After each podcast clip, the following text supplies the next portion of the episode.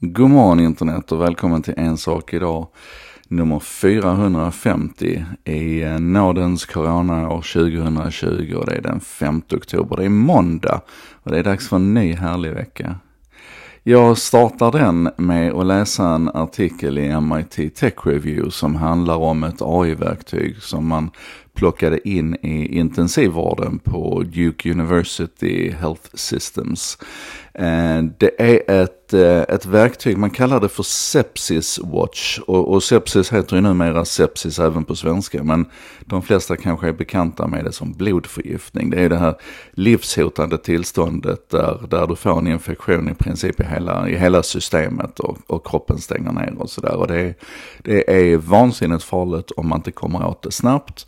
Eh, och utmaningen, och, och, och, det går ju att bota om du bara sätter in behandling, men utmaningen med att sätta in behandling det är att det är så, eh, det är så många och så spridda symptom att man oftast misstar en, en kommande sepsis som någonting annat.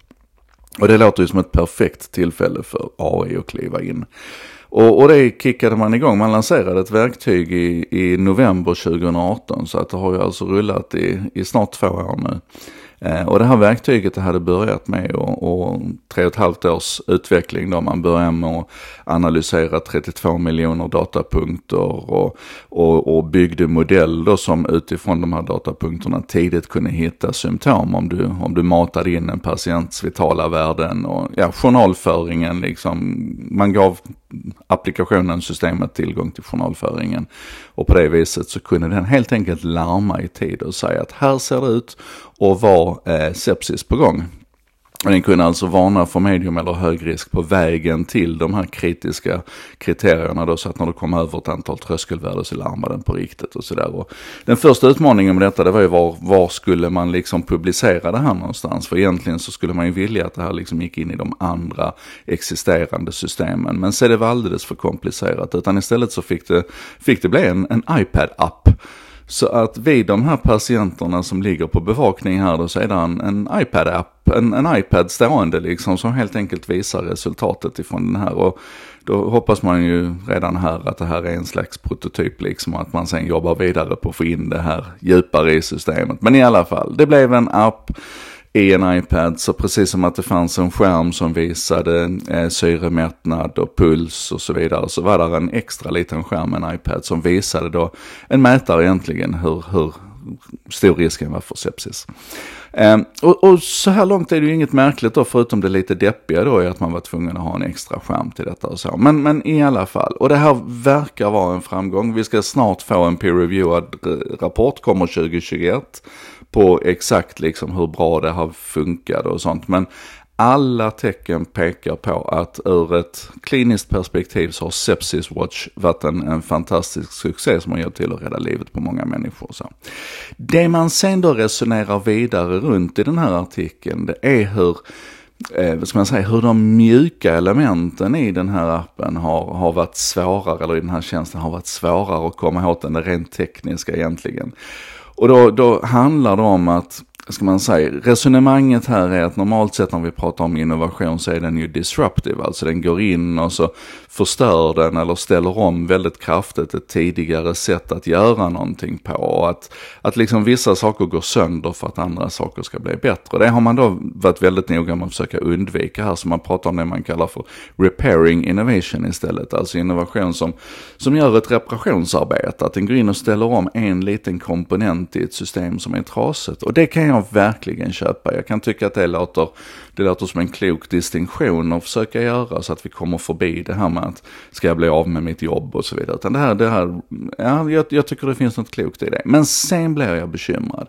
För sen börjar man prata om en massa olika saker som har varit problematiska i det här införandet. Till exempel att den som håller koll på den här appens resultat, det är en, en, en, en sköterska på plats, en slags attending nurse, som är där hela tiden och, och liksom bland annat och har i uppgift att hålla koll på alla de här patienternas vitals, alltså alla de som ligger och, och vårdas här då. Så att hon har järnkoll på de här patienterna och är jättenära dem och det är hon som ska hålla koll på den här iPad-skärmen då. Och då då visar det sig att för att sen sätta in behandling och göra någon åtgärd så måste hon kontakta kontakta en läkare först. Och det är ju då en, en läkare som hon många gånger inte har någon som helst relation till, känner inte alls. Hon, den här läkaren jobbar kanske i en annan del av, av sjukhuset helt och hållet och de har aldrig träffats och så vidare. Och då ska, då ska sköterskan ringa till den här, till den här läkaren och och, och säga att nu visar den här appen detta vi behöver sätta in behandling. Och, och det liksom, redan där skar det ihop och blev jättemärkligt. Och sen hade man då det interna, att, att få liksom de, de andra sköterskorna exalterade för detta och då fick man muta dem med pizzakvällar för att försöka sälja dem på det här. Det räckte liksom inte med att här har vi ett fantastiskt verktyg som kan hjälpa våra patienter att inte drabbas av sepsis, utan man var liksom tvungen att, att sälja in den här grejen istället. Och, och runt det här då så utvecklades det ett antal sådana här mjuka processer. Till exempel så skulle de här sköterskorna då samla ihop alla eh, alla samtalen de egentligen behövde ringa till de här läkarna till en gång om dagen för att säga att nu har vi ett antal patienter här som visar de här värdena vi skulle behöva sätta in behandling.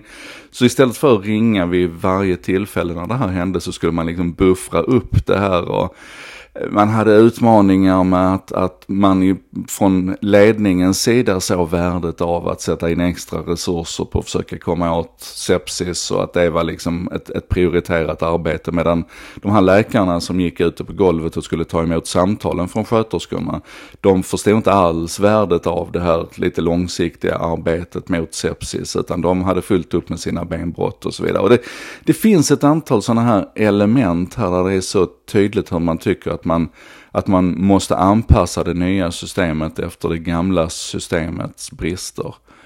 Och när jag läser det och funderar på det så blir jag mer och mer övertygad om att man kanske ändå skulle jobbat in det här disruptiva i det här genomförandet istället för att liksom med skohorn försöka anpassa det efter ett ganska trasigt system från början. Um, och det där är någonting som jag umgås jättemycket med tankarna eftersom jag jobbar mycket med AI-implementeringar. Och den här veckan så ska vi rulla ut och börja prata om vårt första, vårt första bygge i GetAI som handlar om hur vi ska minska matsvinnet i skolorna. Uh, och här har vi jobbat supernära med mottagarna av det här och det är nog ingen tvekan om att de ser fram emot att få det här systemet i sina händer. Och det sköna är att vi har liksom aldrig riktigt behövt fundera över om det är disruptive eller repairing för att det bara löser ett existerande problem. Ja, men det är sånt jag funderar på. Ehm, det kan väl du också fundera på, hur, hur benägna vi är att acceptera nya smarta lösningar efter gamla mm, trasiga funktioner och system och processer. Lite för benägna skulle jag säga. Det här var en sak idag med mig Joakim Jardenberg. Eh, imorgon bitti hoppas jag vi ses igen. Just det, den här veckan kommer jag göra en special också förresten. Jag ska försöka beta mig igenom och, och ha synpunkter på The Social Dilemma. Den här filmen som går på, på Netflix och som handlar om sociala medier men framförallt om Facebook. Eh, det kommer att bli en lång en rackare. Eh, så att eh, jag hoppas du hänger på den.